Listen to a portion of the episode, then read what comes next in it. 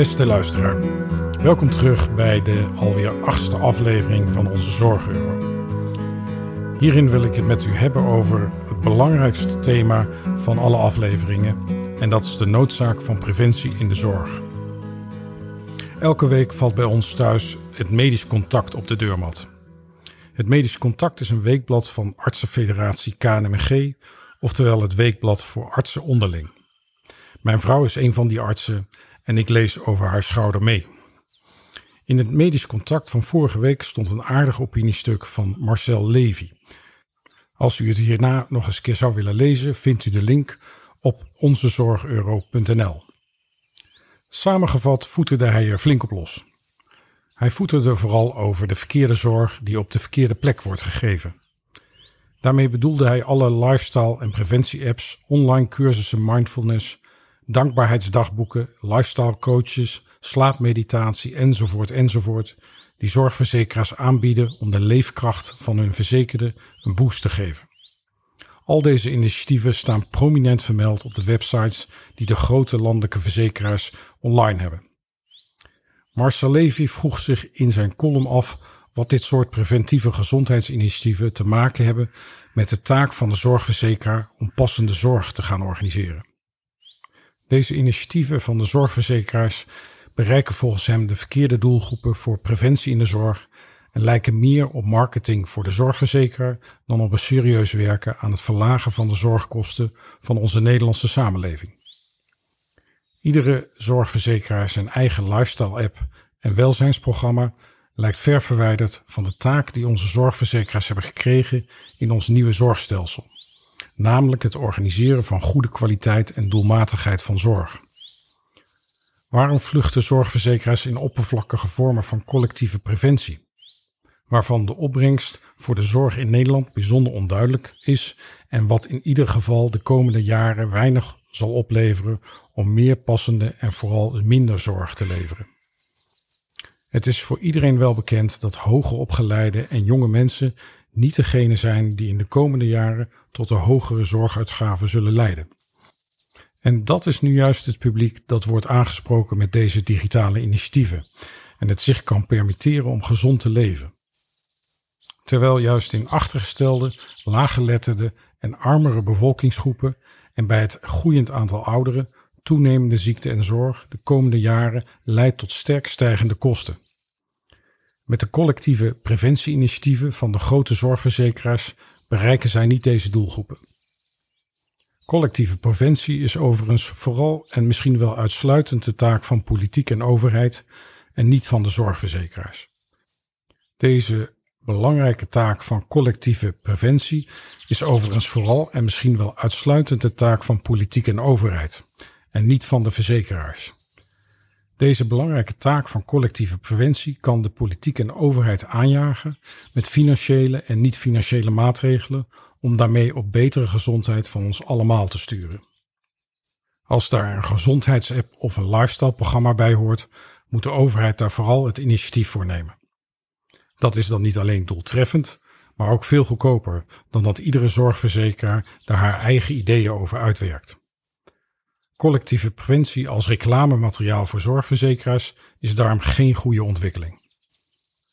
Heeft de zorgverzekeraar dan helemaal geen taak in het voorkomen van ziekte en zorgkosten, oftewel preventie? Natuurlijk wel.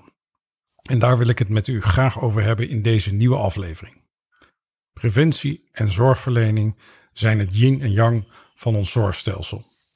Het yin is de individuele preventie van de verzekerde en het yang is de verzorging en de behandeling van de patiënt. Aan het yin van de individuele preventie wordt bij ons slechts 5% van onze tijd en kosten besteed in ons zorgstelsel.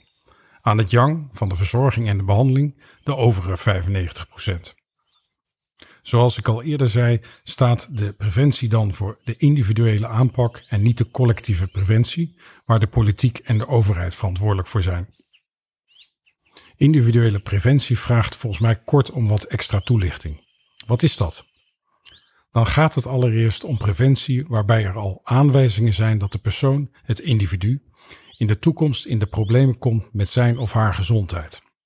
Dat heeft de verzekerde dan meestal nog helemaal niet door en daarbij kan negeren van het probleem een belangrijke oorzaak zijn. Laat het nu toevallig zo zijn dat als je dit probleem met elkaar vroegtijdig herkent en ermee aan de slag gaat, ernstige gezondheidsschade kan worden voorkomen. En laat het nu ook toevallig zo zijn dat de mogelijkheden voor deze vorm van preventie de afgelopen 20 jaar sterk zijn toegenomen door de opkomst van goedkope opsporingstechnieken. Tijdige probleemherkenning en begeleiding door zorgaanbieders en zorgverleners speelt bij dit alles een grote rol. Mooie voorbeelden van dit soort individuele preventie is de vroegopsporing van hart- en vaatziekten, diabetes, obesitas en nierziekten. Door analyse van beschikbare bloed- en urinewaarden en metingen van bloeddruk en gewicht kunnen al in een heel vroeg stadium opkomende ziektebeelden worden herkend. Als hier in de zorg veel meer aandacht aan zou worden besteed, kan de dokter de patiënt in een vroegtijdig stadium bij zich roepen en preventieve maatregelen met hem of haar bespreken. De patiënt krijgt hiermee een flinke motivatie mee en extra begeleiding om erger te voorkomen. De gezondheid van de patiënt gaat vooruit of stabiliseert en veel van onze zorgeuro's kunnen worden bespaard. Daarnaast heb je ook nog zorggerelateerde individuele preventie. Ook vaak een ondergeschoven kindje in de zorg. Een voorbeeld van die zorggerelateerde preventie kom je tegen bij patiënten die een ingrijpende behandeling of operatie hebben gehad. Goede en uitgebreide revalidatie en mobilisatie is dan van levensbelang. Dat zijn belangrijke preventieve maatregelen om te voorkomen dat de patiënt bij herhaling moet worden opgenomen. Sprekende voorbeelden hiervan zijn revalidatie en mobilisatie na een knie, heup of ander soort botbreukoperatie bij ouderen. Als zij niet goed worden opgevangen na hun operatie liggen ze meestal weer snel in het ziekenhuis voor een nieuwe behandeling. De achteruitgang in gezondheid en uitgaven aan zorg stijgen dan navenant. Er lijkt dan ook niets in de weg te staan om problemen met patiënten in vroegtijdig stadium op te sporen en de zorggerelateerde preventie grootschalig uit te rollen. Dat is niet alleen goed voor de verzekerde, maar ook goed voor onze alle portemonnee. Dat laatste van die portemonnee was een iets te snelle conclusie. Want de portemonnee van ons allen wordt er wel beter van, maar voor de portemonnee van de individuele speler in ons zorgstelsel pakt dat heel anders uit. Wie wordt er van individuele preventie niet beter in ons zorgstelsel? Gelukkig kunnen we dat voor de patiënt al snel uitsluiten. Die wordt er zeker beter van. Zijn gezondheid blijft stabiel of gaat vooruit, onnodige behandelingen worden voorkomen en als verzekerde betaalt hij minder premie.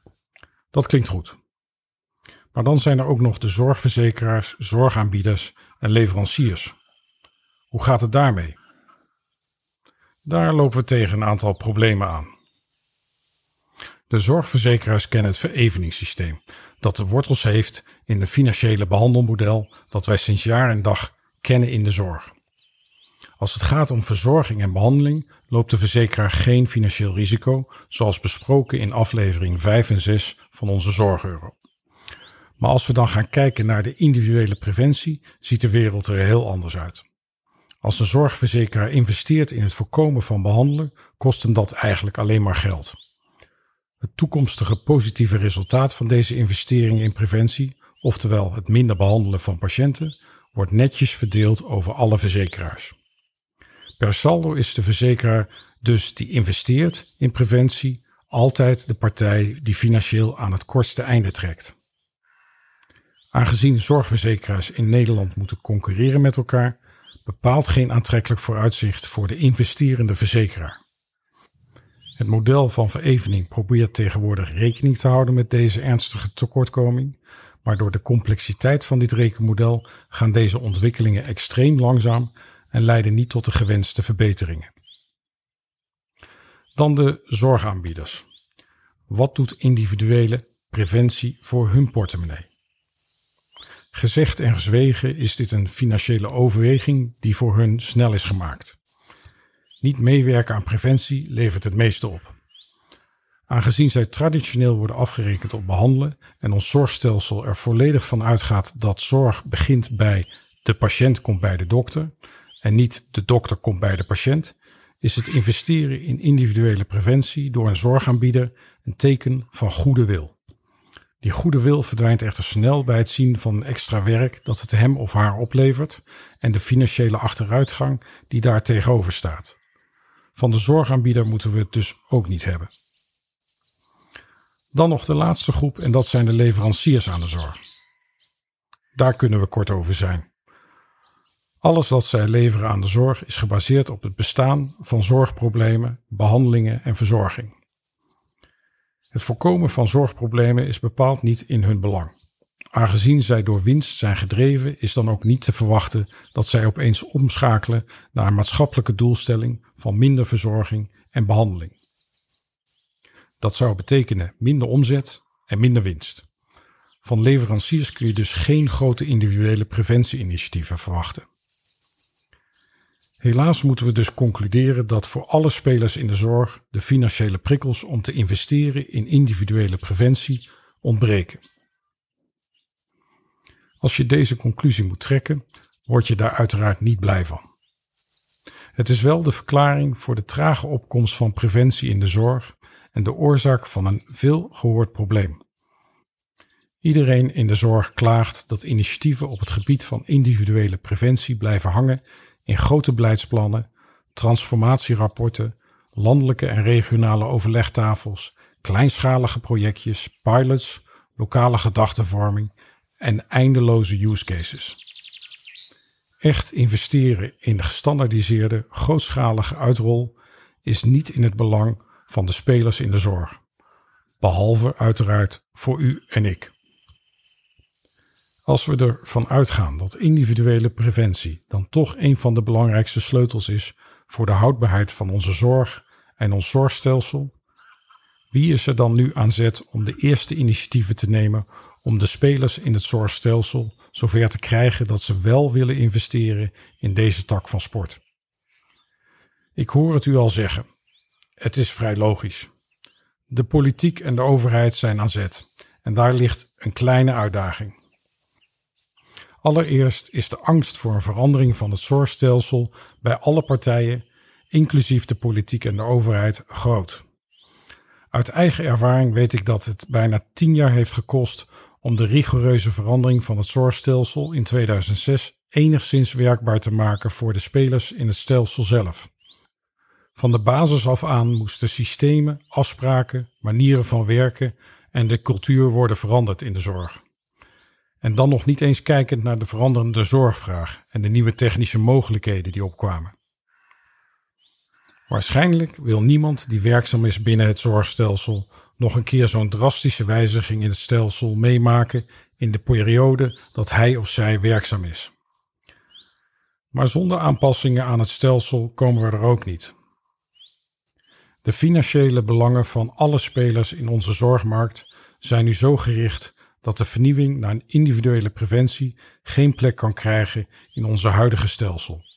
Of dat door de inherente traagheid die in het zorgstelsel is ingebakken, de noodzakelijke vernieuwingen niet snel genoeg op gang kunnen komen. We blijven zo hangen in een zee aan rapporten, overleggen en kleinschalige initiatieven. Aansprekend leiderschap en de wil tot samenwerking biedt, zonder aanpassingen in het zorgstelsel, daar helaas ook geen oplossing voor. Wat is er dan minimaal nodig om onze spelers in de zorgmarkt de goede prikkels te geven voor de grote verbeteringen die met individuele preventie kunnen worden bereikt? Daar zou ik het graag met u over willen hebben in de laatste twee afleveringen van onze Zorgeuro. In de voorlaatste aflevering maak ik hiervoor een uitstapje naar Denemarken, dat een totaal ander zorgstelsel kent dan dat onze. Waar ze overigens ook problemen hebben met de houdbaarheid van een solidair stelsel met recht op zorg. Maar waar de problemen anders van aard zijn en waar wij het nodig van kunnen leren voor wat betreft een betere werking van ons eigen zorgstelsel. In de laatste aflevering eindig ik met aanbevelingen. Aanbevelingen waarmee we zo min mogelijk ingrijpen in het zorgstelsel, rekening houdend met onze historische roots en de noodzaak om het yin van ons zorgstelsel in balans te krijgen met het yang. Dus individuele preventie als medicijn voor de houdbaarheid van verzorging en behandeling binnen ons zorgstelsel. Met een laatste verwijzing naar deze oude Chinese wijsheid sluit ik deze aflevering van Onze Zorg Euro af. Ik wil u wederom van harte danken voor het luisteren en het geduld dat u heeft kunnen opbrengen voor deze aflevering van Onze Zorg Euro. Verwijs nogmaals naar www.onzezorgeuro.nl waar u nog wat meer achtergrondinformatie kunt vinden. En hoop u weer te mogen begroeten bij de voorlaatste aflevering van Onze Zorg Euro, die gaat over Denemarken en haar zorgstelsel.